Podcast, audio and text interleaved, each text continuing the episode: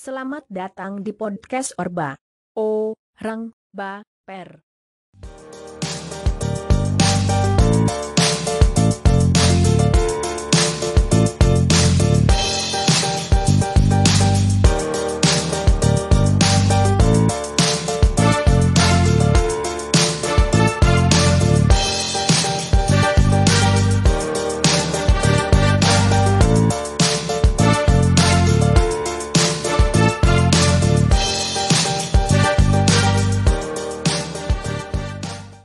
Selamat datang di podcast Orba, orang baper. Bukan, Orba, orang baper. Eh, kali ini kita akan membahas ngobrol-ngobrol santai soal eh, penanganan COVID-19. Tapi masalahnya, kami bertiga ini sebenarnya nggak kompeten di bidang eh, di bidang kesehatan Epidemiologi. masyarakat atau epidemiologi. Tapi eh, mungkin nanti kita lebih banyak bahas bagaimana perspektif seorang warga negara melihat data-data soal COVID-19. Gitu, ya nggak? Ya, Nah, Yap. gitu kan. Oke, eh, kita tahu eh, banyak data sudah disampaikan oleh pemerintah sebelumnya melalui jubir, melalui info-info yang diberikan oleh eh,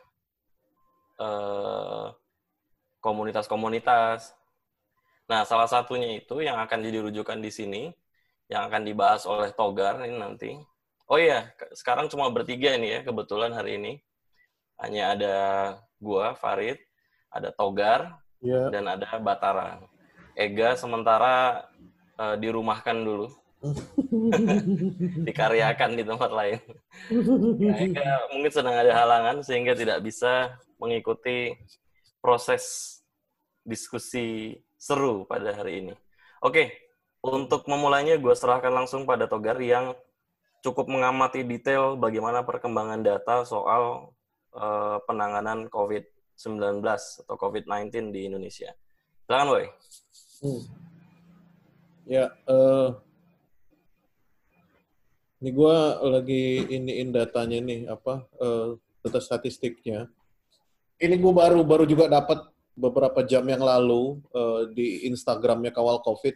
Gue kalau eh, apa eh, memantau statistik COVID harian itu di Instagramnya Kawal COVID. Nah ini pemerintah juga memang udah rilis data resmi, termasuk juga jumlah yang diperiksa. Jadi kita udah kelihatan ya jumlah yang diperiksa. Minimal kalau kita lihat, ya kita apresiasi lah ya eh, data kumulatif yang diperiksanya itu naik ya orang-orang yang jumlah jumlah orang yang diperiksa dari hari ke hari naik.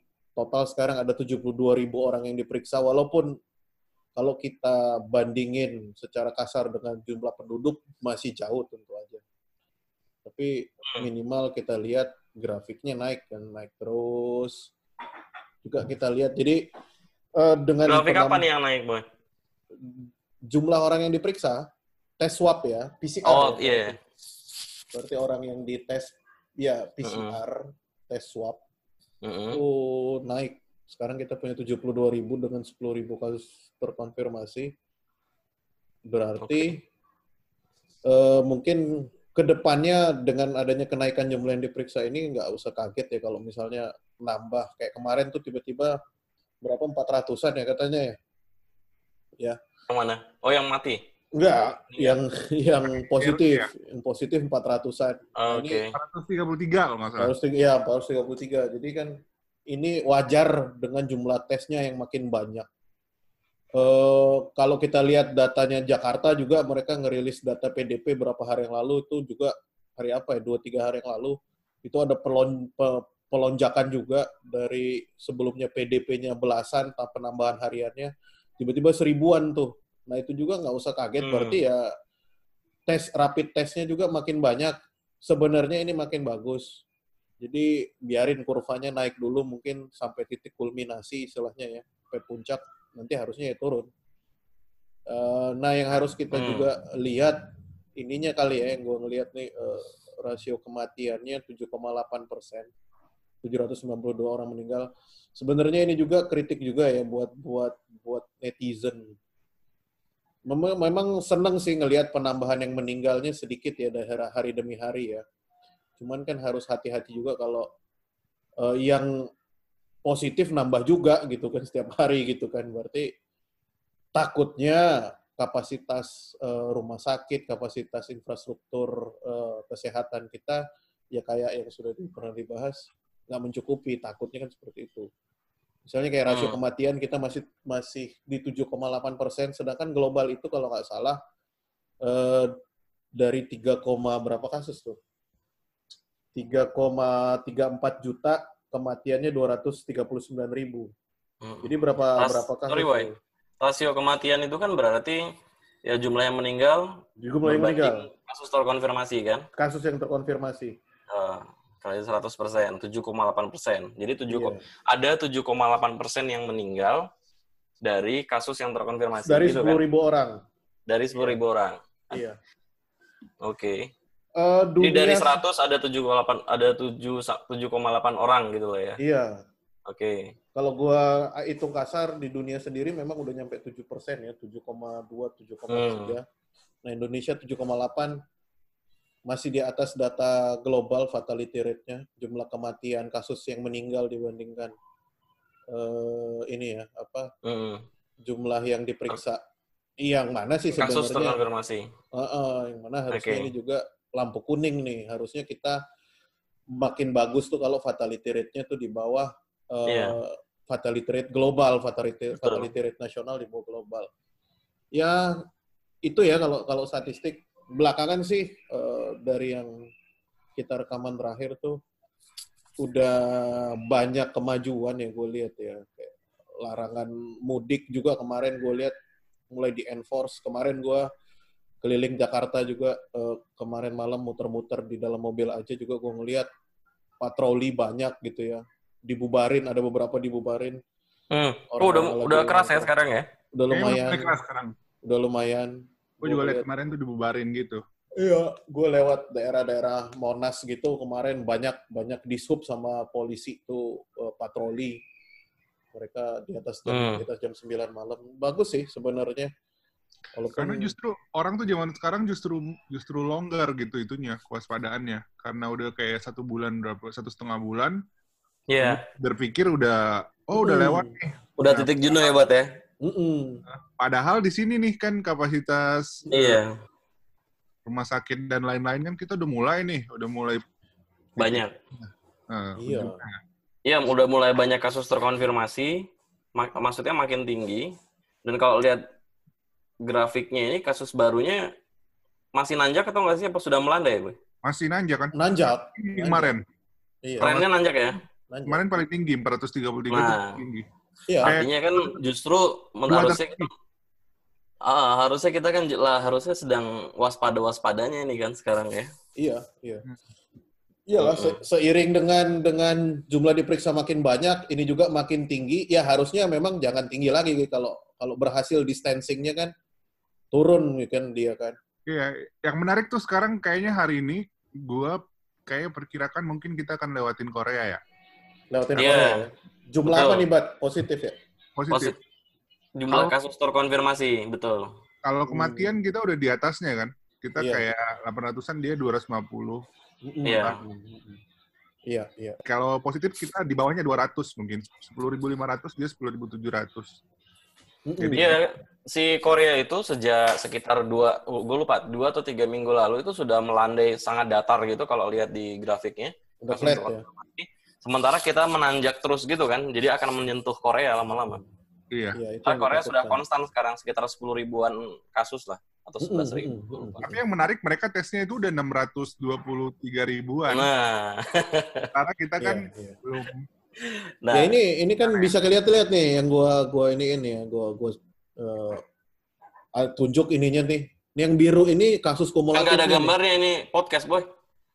Iya, ini antara kita aja. Oh ya. Gambar yang ya? Lu, lu, lu yang yang yang denger tahu deh siapa yang denger, pokoknya bisa geliat di Oh iya, ini kasih tahu dulu COVID nih. nih. Betul. Yang sedang didiskusikan ya. sekarang ini sumbernya dari kawal COVID-19 dot, dot blog, blog, blog ya. blob.core.windows.net. Ya, Ya. ribet lah. Tapi intinya ada di Instagram kawal COVID-19 lah ya. Ah, yang yang yang Nah, sumbernya yang sedang diskusikan tuh dari situ. Oke, lanjut, Boy. Mm-mm. Nah ya itu sih kalau dariku gue ngelihatnya itu satu ya yang harus di satu sisi kita apresiasi jumlah tes hariannya menang, me- menanjak drastis, tapi di lain sisi jumlah kasus penambahannya juga eh, terus drastis ya naik ya di satu sisi wajar lah ya karena yang makin dites banyak makin banyak yang ketahuan tapi Hmm. juga harus jadi lampu kuning berarti kan distancingnya apakah belum optimal atau apa di beberapa bagai daerah gitu kan Hmm. kan harusnya kan eh, dan ini tadi gue tadi menarik tuh eh, apa soal soal makin kerasnya ya nah ini beberapa hari terakhir tuh ada suara-suara optimis ya bukannya pengen pesimis gitu ya cuma kayak kayak kemarin senior kita tuh di Fakultas Hukum di UI Dini Siapa? JA Dini JA dia merilis data Ah, yang dia bilang kalau bulan Juni itu 99% akan selesai. Ya sebenarnya ini mirip dengan yang apa dari Singapura. Maksud, data dari mana tuh? Ya dia dia dia gue belum ngecek tapi dia lihat pergerakan angkanya, Hmm. dia bisa bilang 99% ketika masuk bulan Juni itu sudah tidak ada penambahan. Ya penambahannya pun eh, maksudnya grafiknya pun turun lah seperti itu ya. Iya, iya, iya. iya. Turun. Nah, itu Sudah mulai melandai dan bahkan Hmm. menurun gitu ya. Ya di satu sisi bagus, tapi di lain sisi gue sih pengennya denger ini bener-bener dari ya kayak lu bilang di awal podcast dari bener-bener epidemiolog ya orang yang bener-bener bergerak di kesehatan masyarakat Iya. Ya atau dari pemerintah langsung gitu kan. Jangan jadi Iya. ya ja- hati-hatilah ngomong ya, kayak kemarin juga eh, di Jakarta dibilang sudah bagus gitu tiba-tiba kan ada yang mengagetkan PDP-nya nambah seribu kasus positifnya nambah itu juga agak hati-hati lah tetap optimis karena takutnya kalau terlalu optimis kita lupa Iya. distancing kita cuek nah itu yang bahaya tuh kurang lebih gitulah ya Sekarang udah mulai belanja-belanja, boy. Orang-orang tuh. Doh, Iya. kemarin gua ke Superindo ini penuh banget antriannya. iya Oh ya. Oh, padat Superindo. Nah, Nggak berlakukan antrian gitu ya? Masuk di dalam boleh berapa gitu. Jadi wah chaos enggak, enggak. Sama sekali enggak. Zona Superindo kan rata-rata kecil ya. iya Nah, itu chaos enggak. kalau di Superindo Di tempat, di tempat belanja lain juga gitu, Transmart dan lain-lain. Superindo dekat rumah gua tuh dikasih ini, dikasih apa? Eh, antrian. Satu orang satu Ada. gitu Iya. berapa kali masuk. Gue gua ngelihat sih ada semacam tali gitu ya, tali Hmm. pembatas gitu kan. Iya. Yang di ini terus ada hand sanitizer, juga ada apa pengukur suhu. Cuma Hmm. ya nggak nggak masuk-masuk aja gue. Nggak tahu kenapa kemarin. Hmm, hmm, hmm, Mas- hmm. Di tempat gue sih gue masuk-masuk aja dan sepertinya seperti hari-hari pasca gaji, pasca gajian biasanya, Iya. rame-rame aja gitu loh Iya. di Superindo. Iya. Kalau ini gue coba share juga nih. Ini yang Yang biasa kalau global ya. World ah, odometer info. Oh, ini yang worldmatters.info Iya. ya. Heeh, heeh, Kadang-kadang ini global. juga lebih cepat dari Indonesia loh apanya. Maksudnya datanya. Oh. Jadi iya, gue iya. kadang-kadang ngelihat eh, di TV baru ngomong berapa menit kemudian dia ada dan langsung ada sumbernya. Hmm. Hmm. Terus ini kan nih kita udah real time ya. total tesnya ternyata udah 102 ribu. 300. Oh iya. Oh, oke. Ini data World Matters Ah, da- sama data pemerintah gapnya lumayan tuh. iya. Nah, Mm-mm. dia dia ada sumber-sumbernya. Tapi yang menarik coba lihat Singapura aja negara yang kecil banget itu 143 ribu. Ya, itu. Terus dia eh, macam-macam ya. Bahkan kalau mau dibilangin sama apa ya, eh, banyak negara yang lebih kecil dari kita, kita eh, masih jauh tertinggal. Iyalah. Dan Iya. kelihatan betul ya kalau lihat dari data itu Singapura itu total deaths-nya cuma berapa? 16. Iya. Tuh, Iya. Dan luar dan ini biasa. ada orang Indonesia tuh di situ. Iya, ada imigran itu, ada apa pekerja migran. Kerja migran. Dan kalau kemarin datanya terakhir kan sekitar 80% total cases itu dari total cases itu 80% itu pekerja migran Hmm, Bayangkan. hmm, hmm, hmm. dan 16 yang meninggal. Artinya kita bisa ngelihat bahwa dengan kasus yang pekerja migran bukan warga negara Singapura itu sendiri, infrastruktur kesehatan di sana, uh, fasilitas kesehatan di sana itu sudah sudah mumpuni betul, kerasa betul ya. Memang benar-benar Singapura itu sudah stabil Iya. untuk iya, vaskes. Iya. Yang gua agak mengherankan itu US sebenarnya ya. Kenapa Iya. US? US tuh seperti bingung gitu kalau gue nggak ngerti, nggak ngerti deh. Gue baca berita tuh selalu chaos tiap baca US itu. Iya. USA itu agak gimana gitu. Orangnya lebih nyolot juga itu kan demo-demo yang kemarin itu mereka bilang ya mereka kan yang demo bilang dengan adanya karantina kewajiban karantina ini melanggar hak mereka untuk inilah pokoknya freedom Karena- mereka. Iya, gue gue tuh ngerasa US tuh agak janggal. Adik gue kan di sana di Illinois ya, Hmm. lagi di sana. Dan itu kan suasananya kan nggak bukan yang urban apa megapolitan seperti New York gitu ya. Mm-mm. Itu lebih kerasa santai lagi, boy. Hmm, hmm, hmm. bulan-bulan Maret akhir Maret itu masih santai masih, masih Iya. party gitu Tapi Iya, emang kata- kan kata apa adik gue kan lagi mereka kayak lagi liburan gitu kan. Terus yang awal-awal oh iya Maret itu dan ini kan mereka kan banyak banget video-video orang di Miami pokoknya yang nggak peduli deh. Gue mau party kalau gue kena corona kena corona aja. Mereka nggak Iya. peduli. iya Budayanya kan gitu Iya. mindsetnya. betul Gitu. Kalau Iya. kalau corona eh, kena gue kenapa nggak apa-apa. Yang penting lu jangan ngambil libur gua nih kan waktu party gua gitu kan. Se- Selesai udah. Iya, iya, iya. cukup ini sih shocking sih oh, sebenarnya bisa kelihatan dari sini nih Eh, coba ntar gue cari dulu ya kalau gue selalu pakai visual capitalis ininya kalau buat lihat visualisasinya di visual capitalis ini menggambarkan visualisasi infection trajectory-nya gitu. Jadi ngelihat trajektori eh, setiap negara polanya gimana. Hmm, hmm. Nih ya, gue pilihin dulu bentar. Kita Nah, kita lihat di sini ya, ini gambaran aja ya. Mm-mm. Si US itu pernah, ini kan kalau di sini kelihatan ya, cases double every day, every two Hmm. days, every three days. Nah, Hmm. si US itu pernah every three days itu eh, apa double-nya itu every three days, boy. Hmm. Bisa dibayang. Misalnya dari 20 ribu jadi 40 ribu dalam tiga hari. Bayangkan. Oke. Pernah misal dari berapa puluh, eh, lima, misalkan dari pernah yang paling itu, itu 20 ke 40 itu dalam tiga hari. Yang pernah gue amati ini. Tapi dia Dari paling dua- sadis juga sih. Ngukurnya kan 6 juta 600 Iya. Oh ya? Iya. Iya. total tesnya ya. Tesnya dia masif banget. Nah, makanya sebenarnya kalau gue tangkep ya, eh, dari COVID-19 pandemi ini ya, ini bergantung betul ke sejauh apa yang dites sebenarnya. Kalau negara makin nggak agresif, ya makin sedikit kan berarti. Iya, iya. Tapi bisa cek di visual visualcapitalist.com Heeh. infection trajectory gitu aja kalau ada yang mau lihat. Nah, tuh Iya. kelihatan tuh.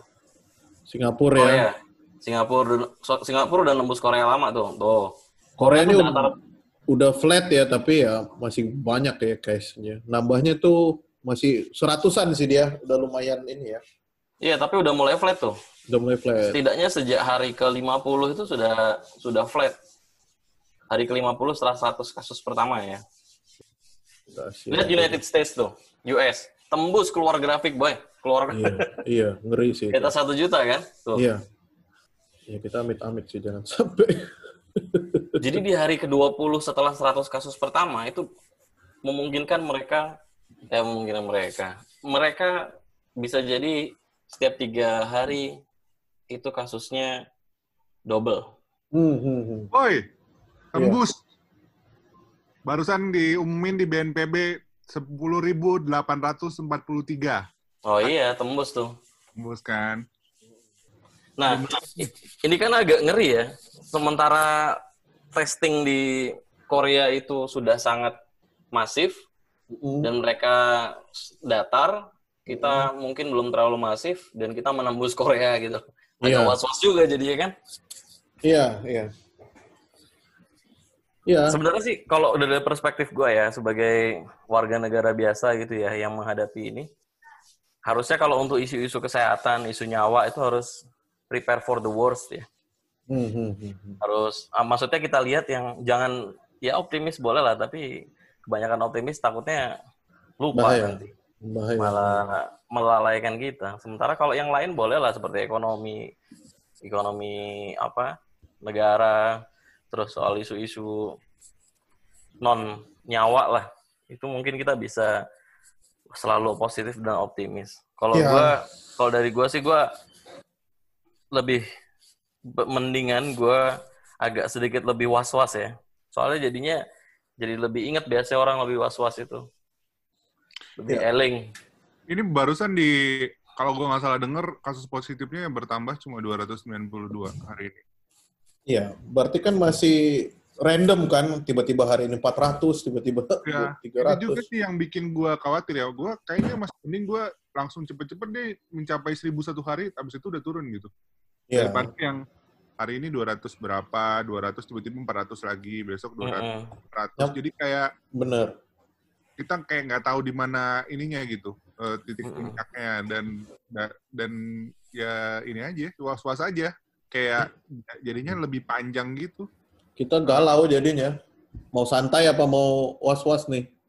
Tiba-tiba udah turun drastis, tiba-tiba naik drastis. Waduh, Hmm. tiba-tiba udah Kayak misalnya pengen pergi. kalau misalnya kayak Amerika kan dia udah kayak mulai mempersiapin tuh satu Mei bakal buka beberapa misalnya main NBA udah apa jadi kayaknya mereka sih udah mikir wah gue udah ngelakuin yang terbaik Bagaimana post COVID recovery gitu kan kalau US sudah mikirnya.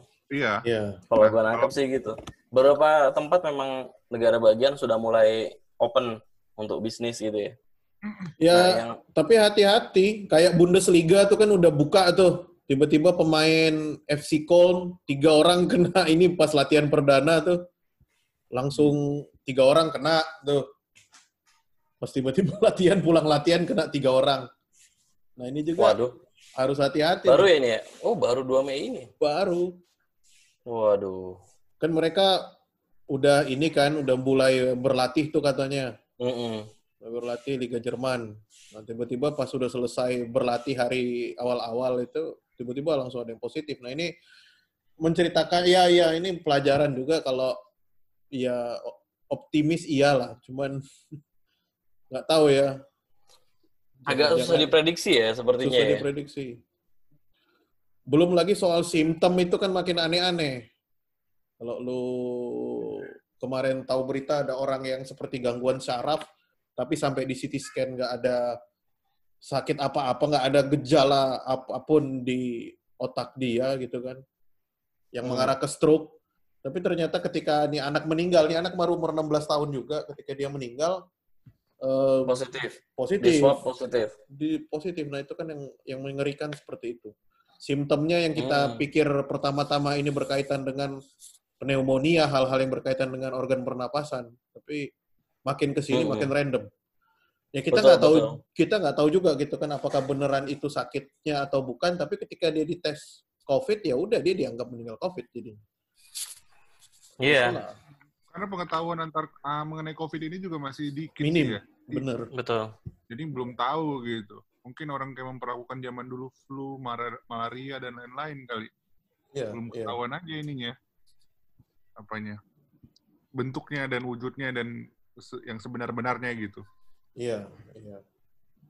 Jadi gue nggak tahu ya kasusnya apa eh, penyebaran kasusnya di soal ini karena menarik kemarin gue ngeliat eh, dari LinkedIn itu ada eh, diskusi live gitu dibikin Hmm. sama World Bank tentang city resilience gitulah Hmm. tentang ketahanan kota terhadap model-model gini. Dia bahas soal COVID-19 sih.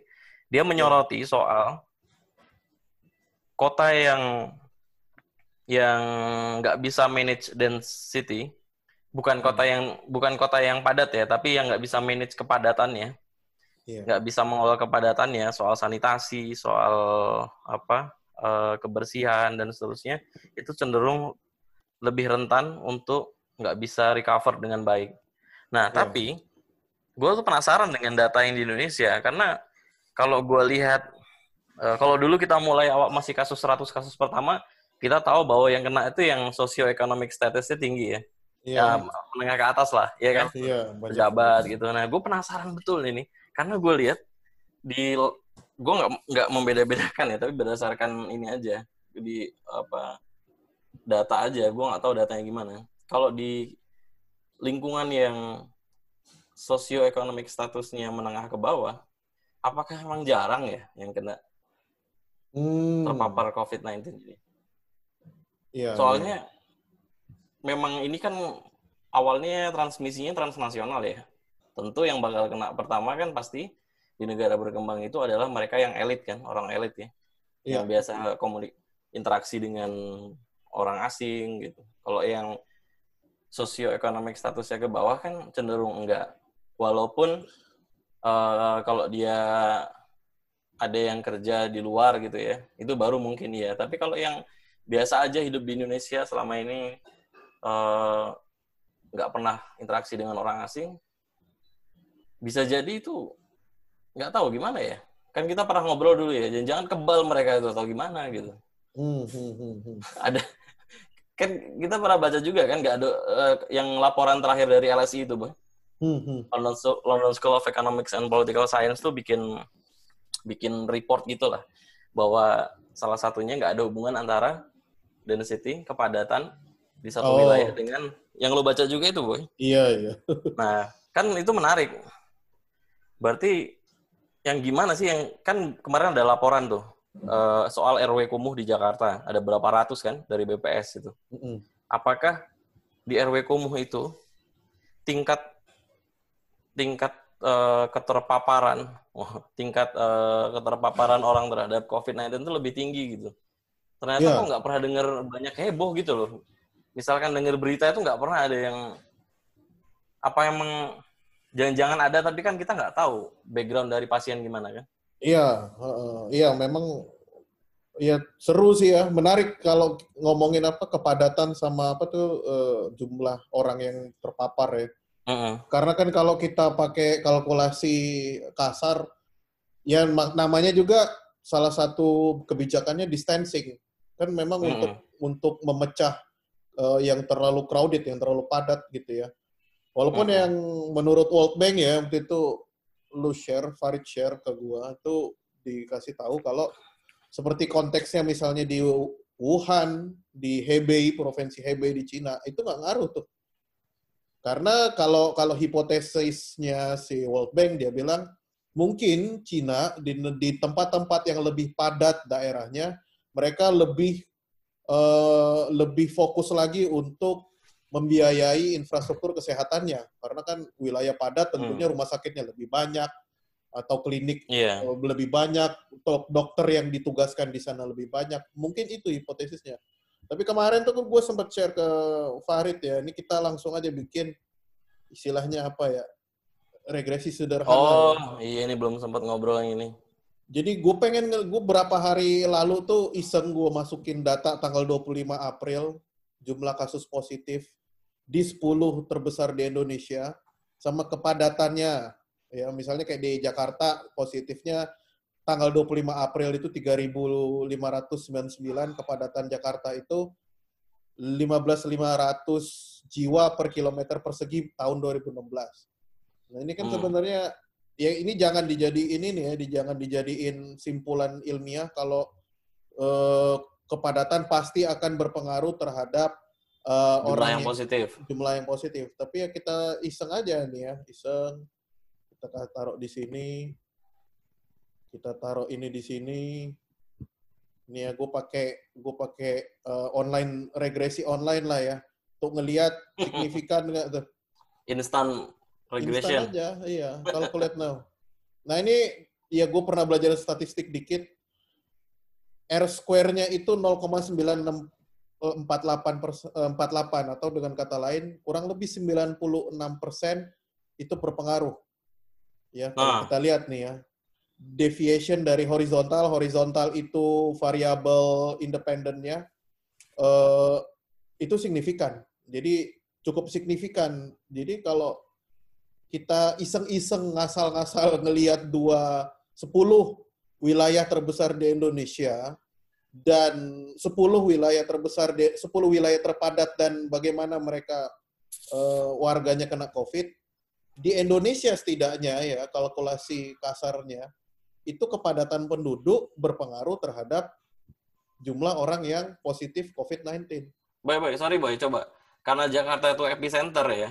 Hmm. Jadi coba jawab 9 aja bisa nggak? Jawa Barat ke Kalsel gitu. Jawa Barat ke Kalsel. Di Jakarta dikeluarin dulu. Oke, coba. Soalnya Jakarta itu agak epicenter ya, jelas dia lebih lama Iya, gitu loh. Iya sih. Kalau yang lain itu kan hanya transmisi lokal rata-rata. Ini gue lagi iseng-iseng aja nih. Sebenarnya jangan jadiin ini data ilmiah. Iya, ini cuma buat bahan obrolan-obrolan yang so- biar kelihatan saintifik aja ya. Iya, Regresi-regresi. iya. Jadi kita potong Jakarta karena Jakarta kan pasti banyak ya. Kalau kita lihat Jakarta, eh, kalau kita lihat non Jakarta, iya sih, bener. Cuma 48 persen. Nah, itu. Nah, sebenarnya kalau mau ngitung, yang paling asik itu adalah ngelihat eh, sebaran spasialnya eh, yang positif di Jakarta, Bang. di setiap daerahnya, Iya sih, setiap detail. kota, di setiap ininya. Tuh Hmm.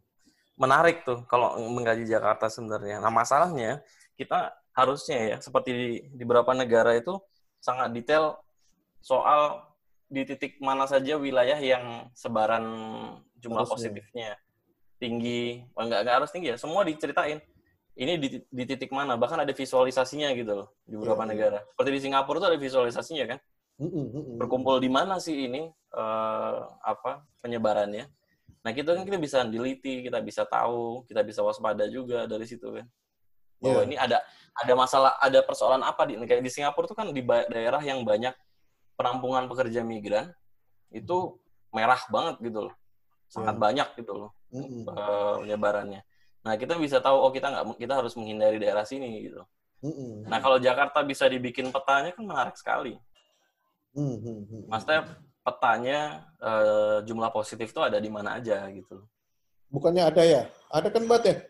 Jakarta tuh. Ada apa? Ada Jakarta punya. Punya websitenya dia. Punya. Pemprov Punya. Jakarta yang punya ya? Iya. Eh, coba deh, Oh iya. apa? Ada yang bi eh, share share screen, coba gue share ya. Iya, Ya iya. udah, share- share screen. Kalau di data yang ini, yang dari apa? Corona.jakarta itu ya. Dot, dot, dot .id.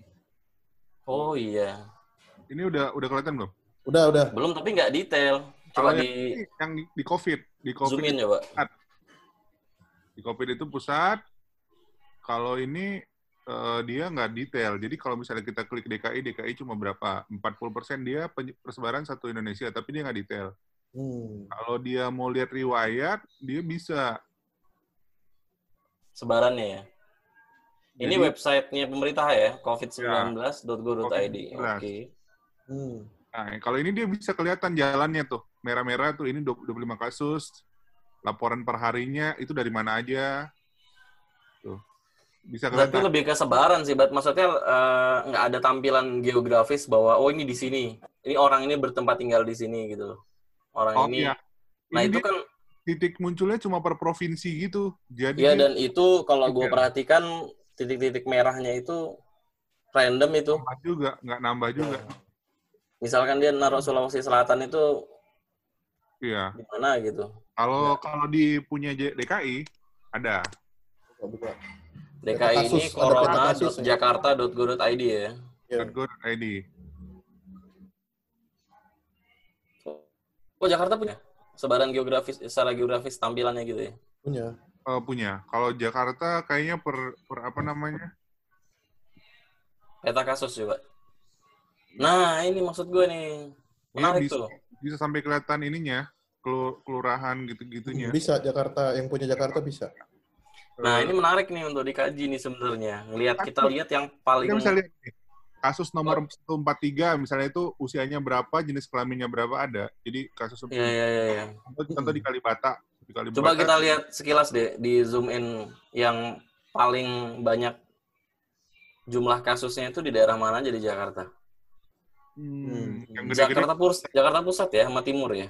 Sunter Agung, ya. Kalau lihat Yang paling padat itu berarti yang rempet-rempet tuh ya. Ini menarik kan, kita bisa sambungkan ke data BPS sebenarnya.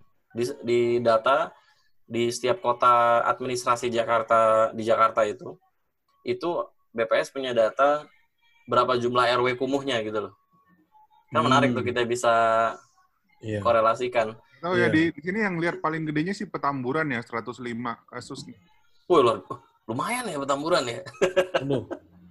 Untuk Agung 67, Pademangan Gimana itu? 57, Pegadungan 40, tapi yang Mana paling itu? gede Gedungan. Oh, Tamburan. Paling gede buletannya Iya. tamburan pusat ya. jadi pusat ke arah utara gitu loh kalau gue lihat dari peta ini yang paling wah kelihatan tuh.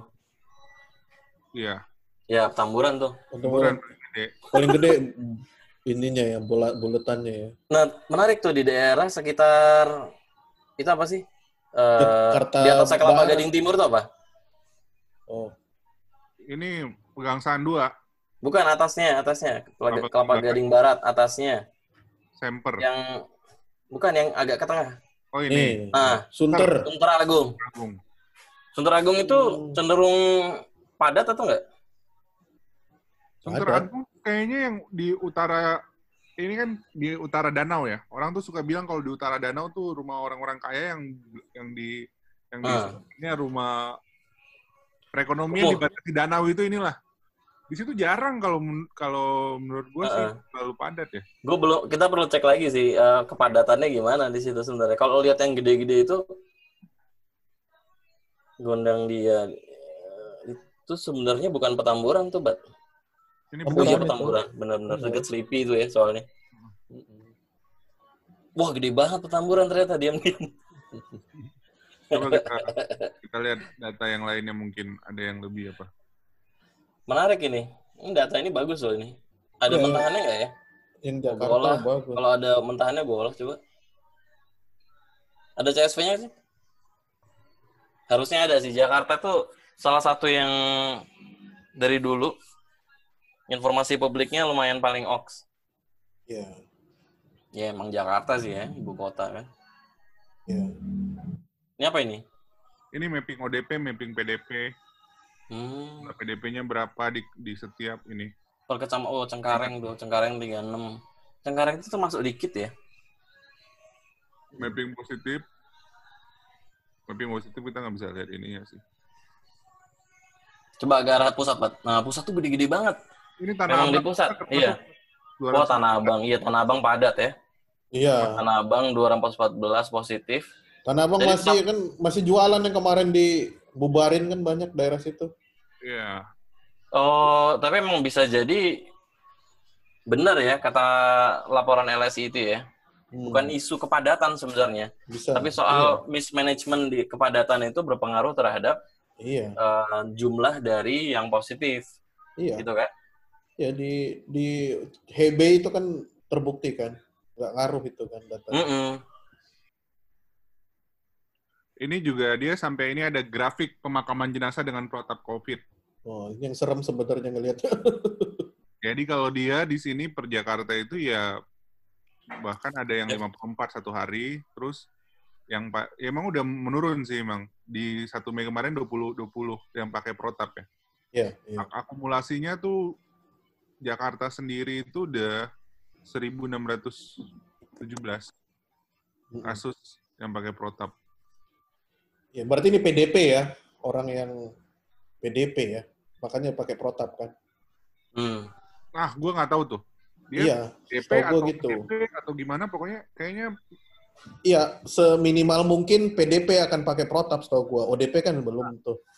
Kalau dia meninggal Ternyata dalam kondisi PDP.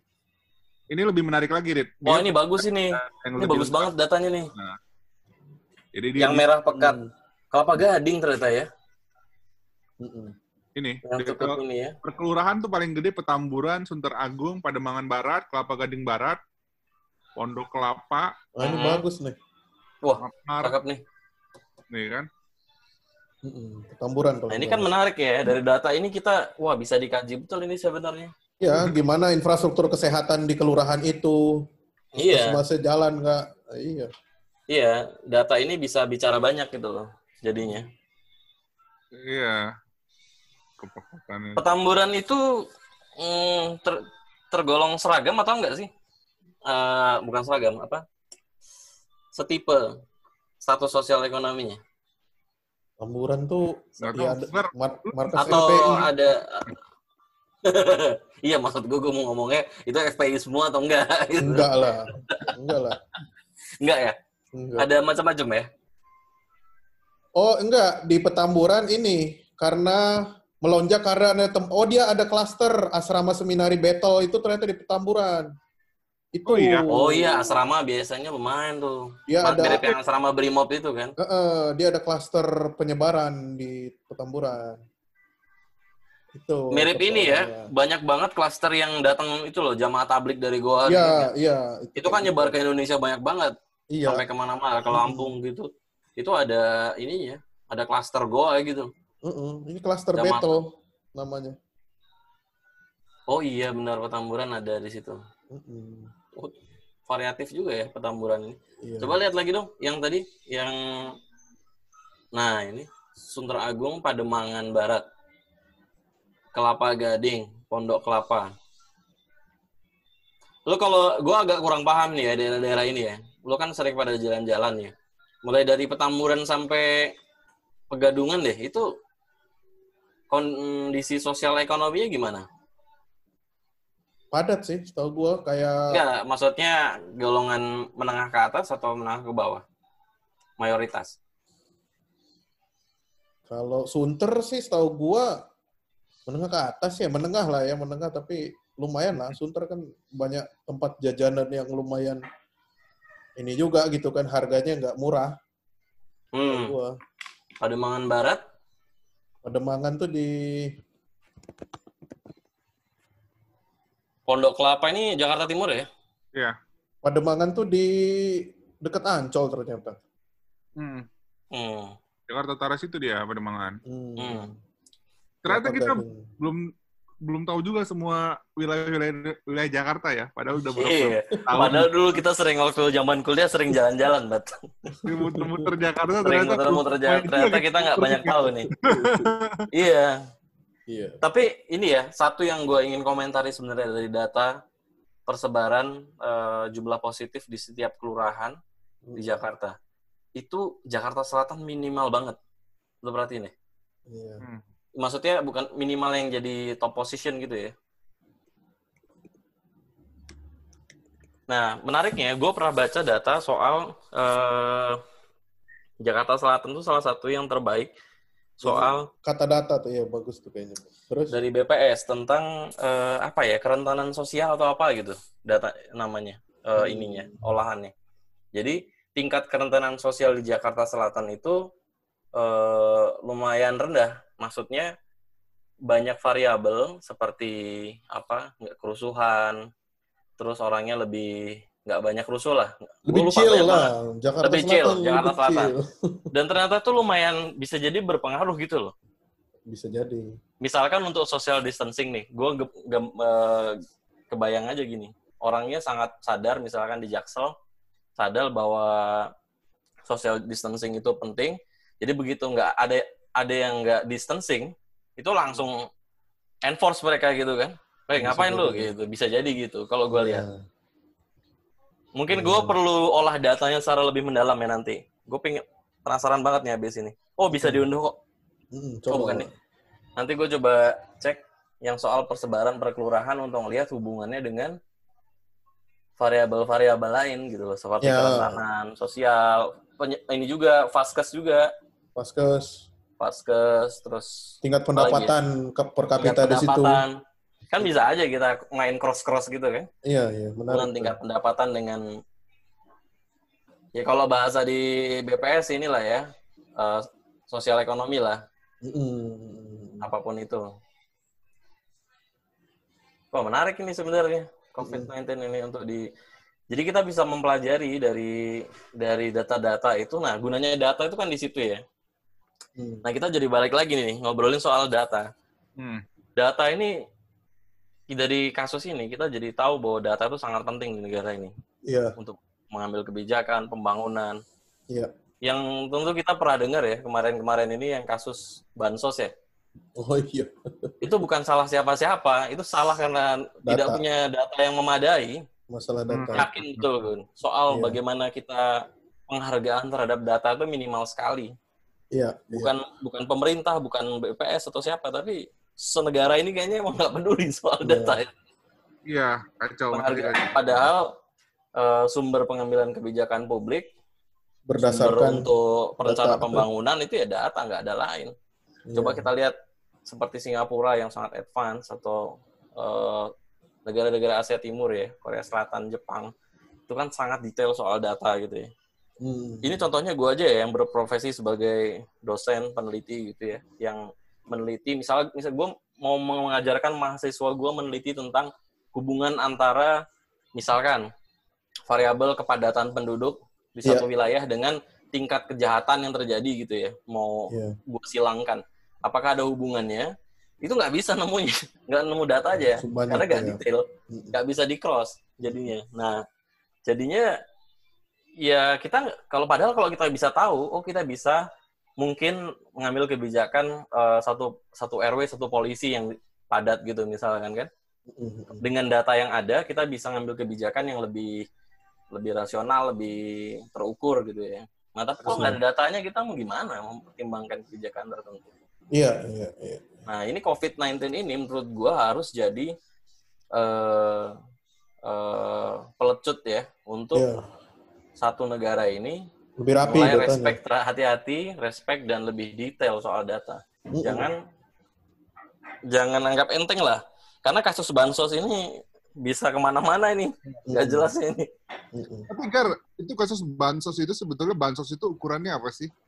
Ke kemampuan itunya individunya, tapi bukan bukan profesi tertentu kan? Maksudnya itu nggak ada bantuan terhadap ini kan?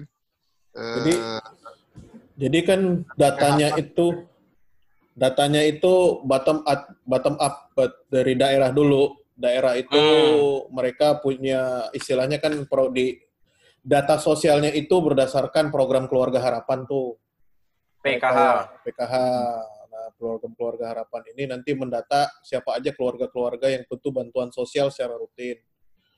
Nah, Hmm. itu datanya setahu gua memang bottom up. Kan istilahnya tuh nanti ada istilahnya pendamping sosial. Dia dia pegang 250 kakak, dia maintain nih. Kan bisa aja kan ada ada perubahan yang sebelumnya mereka kurang mampu jadi mampu dan seterusnya gitu kan. Jadi ini data cukup real time. Setiap berapa setahun atau berapa bulan sekali gue lupa tuh dikasih ke Kementerian Sosial. Kementerian Sosial pool datanya untuk bantuan sosial secara rutin itu bulanan mereka dikasih. Nah, cuman kan karena ada kasus COVID ini, eh, pusat bilang, eh ini kita butuh bagiin, kita punya data nih dari pusat, sinkron nggak sama daerah? Karena kan siapa tahu daerah punya yang lebih real time kan, yang Iya, lebih update betul. gitu kan. Nah betul ternyata dalam kenyataannya karena gue juga ngeliatin gitu ya beberapa eh, waktu ini karena kerjaan itu daerah-daerah ini nggak punya data bahkan ada yang pusat misalnya pusat bilang eh kamu punya kamu punya keluarga miskin se- seribu. Tiba-tiba balik dari daerah dari pemdanya nol dari kabupatennya nol. Dia nggak punya data berarti kan kan ini yang dan dari oh, dari beberapa kayak nah. ada salah satu teman gitu gue salah satu teman gue tinggal di Bekasi, bat. Dia kalau orang mampu, gue kenal sama dia, dia punya kerjaan bagus, kerjaan tetap bagus. Dia dapat bansos. 600 ribu itu ya Iya. Untung dia Oh. orang yang dia orang sadar, dia balikin ke RT-nya kan. Gimana Gua, kalau yang ini? gue ada punya temen dia kayak eh, pekerja pegawai bank lah. Ah. Dia tuh dokter. Terus dia dapat paket, dia dapat Ah, paket isinya beras yang gitu. iya, Itu terus yang dia bingung. Dia dia dia bingung terus dia tar, ditaruh sama Instagram ini kenapa gue terima apakah gue dianggap nggak mampu atau, atau karena suami gue dokter gitu kan tapi menurut gue dia mampu harusnya dia balikin itu Iya. tapi enggak. dibalikin. yang dilakukan dia taruh di Instagram oh isinya beras satu isinya ini satu Iya. tapi kan diterusin lagi sama dia iya. bingung juga mekanismenya itu tuh gue gue suka berpikir ya harusnya data itu jadi eh, performance indicator kali ya dari satu di Iya, Pemda sama. misalkan Banget. misalnya di di OPD tertentu apa nama dulunya apa SKPD gitu ya. Macam dinas-dinas itu harusnya kalau data lu nggak nggak memenuhi kriteria tertentu performa lu tuh dianggap rendah gitu loh. Jadi isu anggaran nantinya biar untuk ini loh boy. Untuk meningkatkan kualitas data gitu loh. Iya, harusnya. makanya butuh butuh niru banyak negara-negara yang pernah negara berkembang negara miskin bahkan yang mencoba naik seperti Afrika beberapa negara Afrika atau Korea Selatan lah Hmm. Korea Selatan bagaimana regulasi mereka soal data mengatur internal pemerintahan mereka jadi Hmm. nggak terjadi tuh yang macam-macam tadi Pemdanya nggak punya data tiba-tiba Iya, aneh banget Tapi Negara parah. terus Itu parah sih. itu Maju bahaya banget. banget Masih karena ini masalahnya duit duit pajak orang banyak gitu ya Iya. ada pajak orang banyak yang kalau salah penyalurannya kan ya aneh banget negara ini kan nggak bisa diatur gitu Iya. makanya ini urgent Dan dan ini juga fair aja ya kita kritik kayak ini buat presiden kita Pak Jokowi dengan bagi-bagi kemarin di jalanan itu juga itu kalau gue se- sendiri itu contoh yang nggak baik lah kalau dengar siapa pun Pak Jokowi hentikan lah bagi-bagi di jalan Pak. Pertama itu eh, jadi kontraproduktif dengan yang kata Bapak distancing karena kita bisa lihat di TV orang pada berkerumun kan. Kedua itu kan juga jadi jadi lucu Pak. Bapak dari pemerintah harusnya ya itu tadi kita fokus di data. Kalau jangan Heeh. gitulah. Bagi-bagi di pinggir kalau kalau gue jadi Pak Jokowi ya yang gue akan tunjukkan ke publik adalah gue amuk tuh ya yang nggak punya data itu. Heeh. iya benar. Itu lebih keren. tuh. lu. Gimana sih? Lu tuh kepala Kerja kepala apa, kepala kepala daerah dikumpulin dimarahin tuh yang Iya. datanya nggak jelas tuh. Itu bisa lebih goblok lu nggak punya data gitu bisa kan? sekarang kalau gue jadi Pak Jokowi gue akan melakukan itu sih. Iya. Itu parah menurut gue soalnya. Mm-mm. apa apa ada ok- eh, apa eh, divisi di pemerintahan gitu ya dinas-dinas gitu ya sampai nggak punya data itu sangat itu mencekam parah gitu ya. sih. Soalnya bingung pusat gimana. Ya ini Ya, kalau SKPD di daerahnya humas sama statistik digabung kadang-kadang kan iya kominfo dinas kominfo biasanya Dua yang kominfo nyambung. gitu ya iya menggabungkan antara smart city humas dan Iya kan ada sekarang mau deployment smart city gitu ya misalkan. Itu Iya. ntar digabung sama humas. Mirip-mirip lah informasi soal. Nah itu sebenarnya itu- ini eh ini juga kalau gue ini refleksi pribadi gue ya terhadap COVID-19 ini eh, soal di COVID-19 di Indonesia itu soal perlu kembali agak lebih terintegrasi ya negara ini sebenarnya. Mm-mm. Lu ngerasa nggak sih ada banyak perbedaan metode, perbedaan cara, bahkan ada kayak semacam disintegrasi gitu ya. Iya. Ini ribut gitu ya. Mm. Jadi itu yang gue lihat separah-parahnya negara lain. Kalau gue perhatiin, gue nggak sampai detail negara yang kecil-kecil ya. Tapi negara yang kayak Korsel, Amerika yang gede-gede, New Zealand, atau negara berkembang seperti India, Iya. itu setidaknya nggak segitunya masalah disintegrasi dalam pemerintahan gitu loh. Mm-mm. Maksud sekarang gue kan kerasa banget di sini. Ini eh, antara pemerintah, pemerintah pusat, pemerintah pemerintah daerah pernah pernah sedikit lebih bernada sumbang terhadap pemerintah pusat gitu kan. Mm-mm. Beberapa daerah itu kan nggak bagus banget ya buat satu negara ini aneh banget. Iya. Iya. Apa harus begini gitu loh? Iya, Nah, apalagi jadinya- masa kayak ma- eh, rakyat Indonesia kayak ngelihat gitu sih, eh, kayak beda gitu nggak satu komando, apalagi. Iya, lockdown penutupan penutupan bandara atau penutupan tertentu. betul. Ya, kan Dan banyak diskusinya hal diskusinya itu diskusinya itu menurut gua nggak menarik banget ya. Eh, apalagi yang buzzer-buzzer itu diarahkan ke diskusi soal politik pula. Nggak Masih bobo pilpres udah gila kali orang kondisinya orang pada mau mati gini. Masih banyak yang kayak gitu.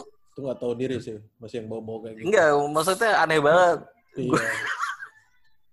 Ya, gue agak-agak susah jadinya kalau bawa-bawa ke situ lagi gitu ya. Seakan-akan Ya, kita nggak bisa diskusi sehat gitu ya. Padahal udah selesai pilpres ya udah presidennya jelas Pak Jokowi. Lah yang Terus- yang tarung udah satu kabinet ngapain sih? Iya, gimana sih? Aneh Yang banget. sekarang udah satu kabinet masih aja ini. Tapi emang Kalau kalau Segitu mengkritik ya? rasional ya. Ah, gimana? orang antara kabinet tuh emang parah segitunya. Soalnya kan kayak wawancara sama Na- Najwa itu kan kayak Pak Jokowi bilang setiap kementerian punya ini sendiri, beda-beda Ya. sendiri kan berarti kan kayak Nah itu kalau tadi kan cuma marah di hadapan kepala daerah ya. Sekarang men- kabinet sih gue gue penasaran kalau gue jadi Pak Jokowi. Hei, Iya. gue ini presidennya, jangan macam-macam lu semua, jangan beda-beda. Iya. Ya, yang paling parah ini ya inilah perbedaan, walaupun perbedaannya lebih ke ini ya teknis itu ya, yang kemarin PSBB pertama-tama kan. Mm-mm. ini nggak koordinasi atau gimana? Padahal kan ada yang namanya setcap di negara ini. Iya, benar. atau setnek gitulah ya. Gue nggak ngerti mana yang punya fungsi. Tapi intinya yang bakal mensinkronkan peraturan begitu keluar gitu kan. Mm-mm, mm-mm. Ya mungkin karena buru-buru COVID pada WFH ya, jadi nggak sempat detail kali ya. Iya, benar. Coba gue ngerasa sih ini bu- berdasarkan pengalaman sedikit aja ya kerja buat pemerintah dari dulu itu ya itu kerasa sih memang eh, apa detail dan data itu sangat sangat masih perlu ditingkatkan gitu ya Iya. soal ngeliat detail data Iyalah. gitu sih Oke. gitu gimana Iyalah. Itulah kurang lebih hari ini fokusnya berarti ngomongin ya data ya. gua katanya. gua simpulkan dulu kali eh gimana bat ada lagi bat Udah gua. Enggak sih, menurut gue sih eh, emang bener di zaman sekarang data itu penting banget ya untuk ngambil keputusan di pemerintahan. Negara-negara barat itu udah maju banget. Eh, dunia bisnis orang barat lah. Kayak contohnya Oh. China itu kan mereka kan waktu pertama-tama awal kan naik naik naik naik kan diberitahukan kan.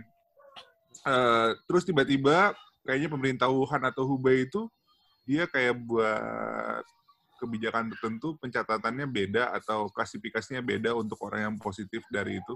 Dalam Hmm. satu hari itu naik Hmm. 20 ribu. Naik Mm. 20 ribu waktu itu kan parah ya, karena kan belum se- seperti sekarang. Nah Iya. itu udah mulai, mulai bisnis-bisnis semuanya jatuh, eh, Iya. eh, pasar modal jatuh gitu kan. Karena Hmm. mereka nggak kehilangan pijakan.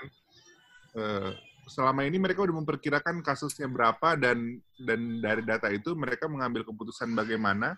Tiba-tiba data data yang jadi pijakan mereka itu hancur dalam satu hari eh, Mm, mm. oleh Cina. Itu betul-betul kelihatan banget hancur gitu kan.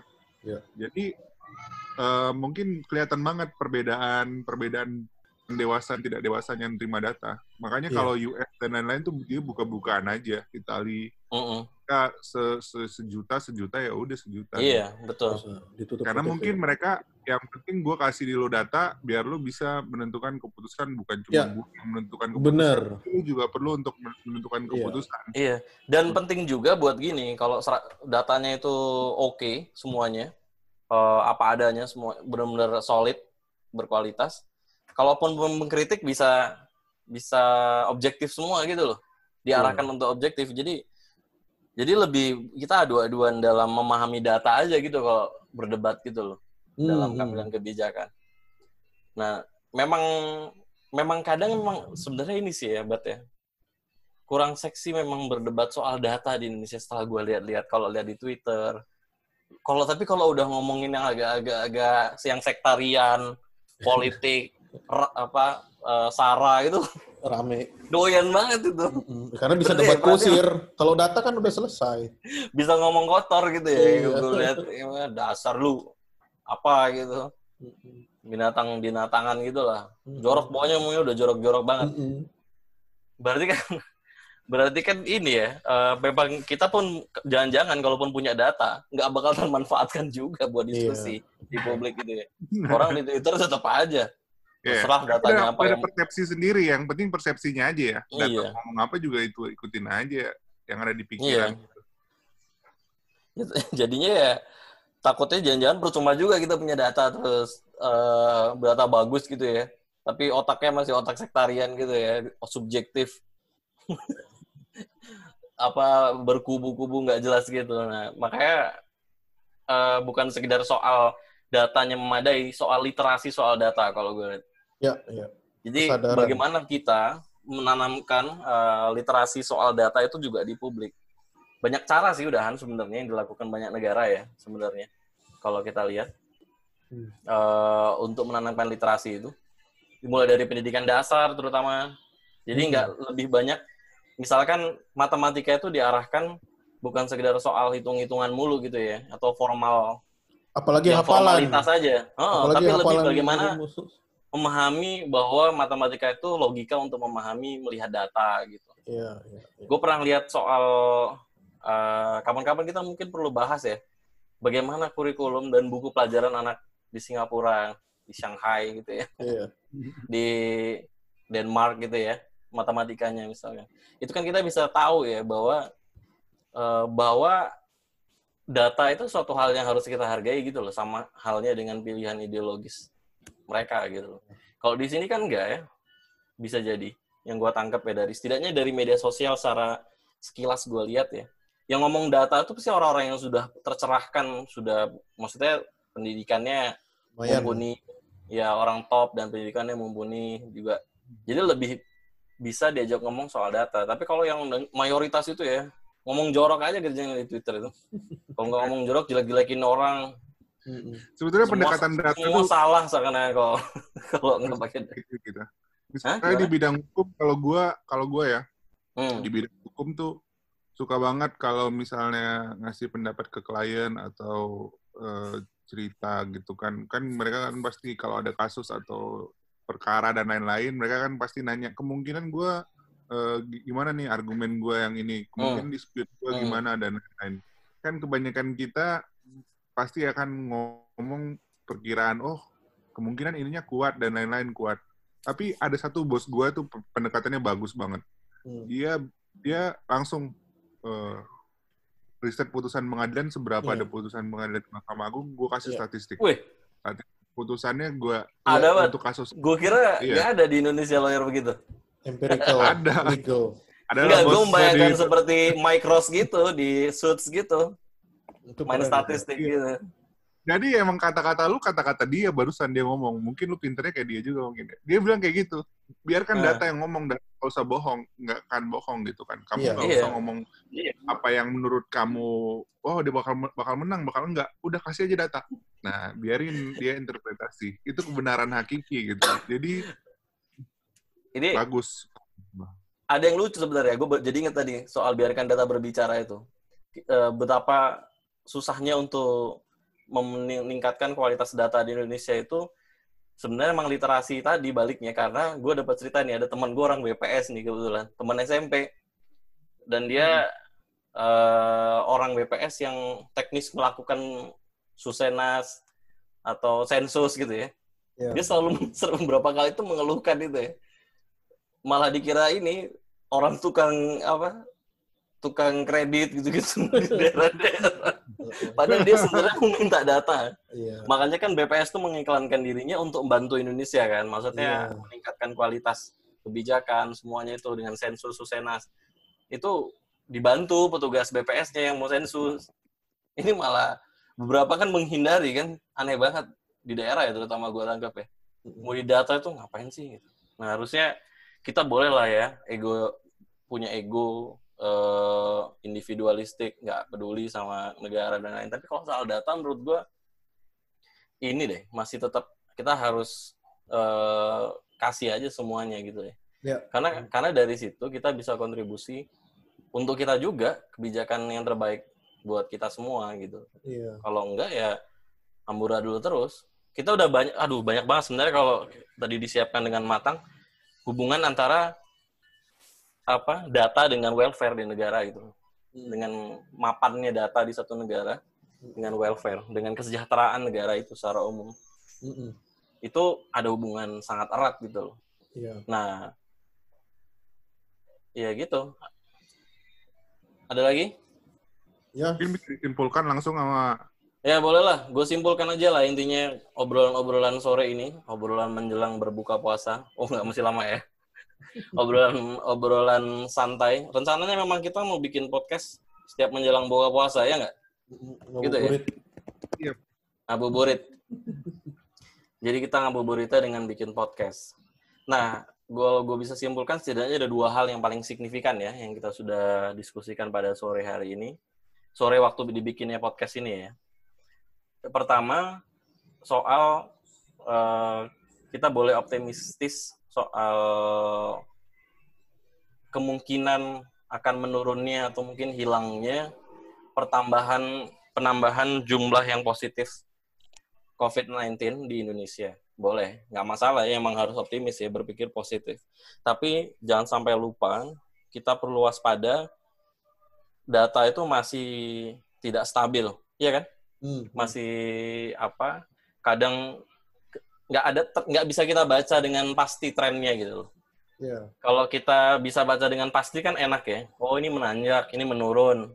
Itu enak tuh kita akan melakukan apa. Tapi kalau yang sekarang mungkin jumlahnya itu tidak bisa dipastikan sebegitu. Tapi gue nggak terlalu ahli ya soal ini. Mungkin ada yang bisa main modeling soal ini ya, bisa Hmm. menceritakan. Tapi kalau gue secara awam melihatnya masih belum bisa dibaca, belum belum optimis lah gue. Ya maksudnya belum bisa yakin betul mengatakan X gitu sebenarnya. Kalau sekarang lihat datanya, itu sih. Jadi di samping optimis ya kita juga perlu waspada ya, perlu selalu waspada bahwa dis dan distancing itu sepertinya memang benar tadi yang udah di awal didiskusikan itu orang udah nggak terlalu nggak berasa lagi social distancing ya udah mulai biasa lagi seperti Ya, di Super itu. Indo kemarin Hati-hati. belanja gitu kan Iya. nah harusnya harus bukan makin kendor tapi harusnya makin kencang lagi nah yang terakhir yang kedua Hmm. poinnya yang paling penting adalah soal bukan hanya soal COVID-19 ya, tapi soal seluruhan seluruhan di pemerintahan ini harusnya data lebih solid lagi, lebih berintegritas, lebih berkualitas datanya sehingga pengambilan kebijakan, keputusan, tindakan itu bisa lebih bisa lebih terukur dan tepat sasaran. Hmm. Karena kalau enggak ya seperti kejadian bansos itu ya. Itu kan sampel bukan sampel eh, itu kan contoh nyata bahwa kualitas data yang tidak baik berakibat pada chaos baik secara di pemerintahan maupun diskusi-diskusi apa di publik itu ya nggak jelas jadinya. Kalau gue baca sekilas sih jadi agak males gitu. Wah diskusi udah panjang mana nih udah panjang. Gara-gara eh, data soal bansos yang nggak mumpuni. Itu aja sih. Jadi kita mungkin harus segera mensupport BPS untuk menggolkan ini RU soal data, Bang. Nah, itu Mas Anang dulu yang ini salah satu mendorongnya. Masa? Iya. Waktu Pan. dia jadi anggota DPR, Oh. dia salah satu Mas Iya. Anang Hermansyah. Iya, jadi eh, soal soal apa? Soal mungkin gue selama ini nggak terlalu nggak terlalu ini ya, nggak terlalu dikit-dikit apa-apa harus bikin undang-undang, nggak apa-apa bikin undang-undang. Tapi mungkin soal data ini kita harus bikin satu mekanisme baku yang lebih mengikat Iya, pemerintah eh, KL dan daerah sebenarnya. Benar-benar Iya. mengikat ya. Mengikat dalam arti Mengharuskan mereka punya data gitu ya. Mewajibkan. Iya, maksudnya di kualitas datanya tuh dikontrol betul gitu loh. Gua nggak tahu yang sudah dilakukan oleh satu data Indonesia atau apa itu kan ada ya. Iya, iya. KSP kayaknya kalau nggak salah sudah itu ya. Atau gua ber- berapa kali di Bapenas juga dengar ada program-program untuk meningkatkan kualitas data pemerintahan di Indonesia, tapi sepertinya masih belum terlihat ya. Gue sebagai warga negara belum bisa melihat itu nyata gitu ya. Iya. Jadi mungkin bisa bisa jadi kalau diikat dengan regulasi yang lebih lebih ketat untuk kementerian lembaga pemerintahan daerah untuk bisa memastikan data itu eh, baik berkualitas mungkin bisa jadi lebih baik ya peningkatan apa perdataan di Indonesia ini sehingga Iya. semua kebijakan termasuk yang COVID-19 ini bisa tepat sasaran. Ya. Oke itu aja. Oke. Ada yang lain? Ya. Nanti Oke, kita kalau lanjutkan. gitu eh, sampai jumpa pada podcast berikutnya. Eh, kita akhiri dulu. Selamat berbuka untuk yang buka puasa. Selamat makan malam untuk yang tidak puasa. Oke. Yo. Bye-bye.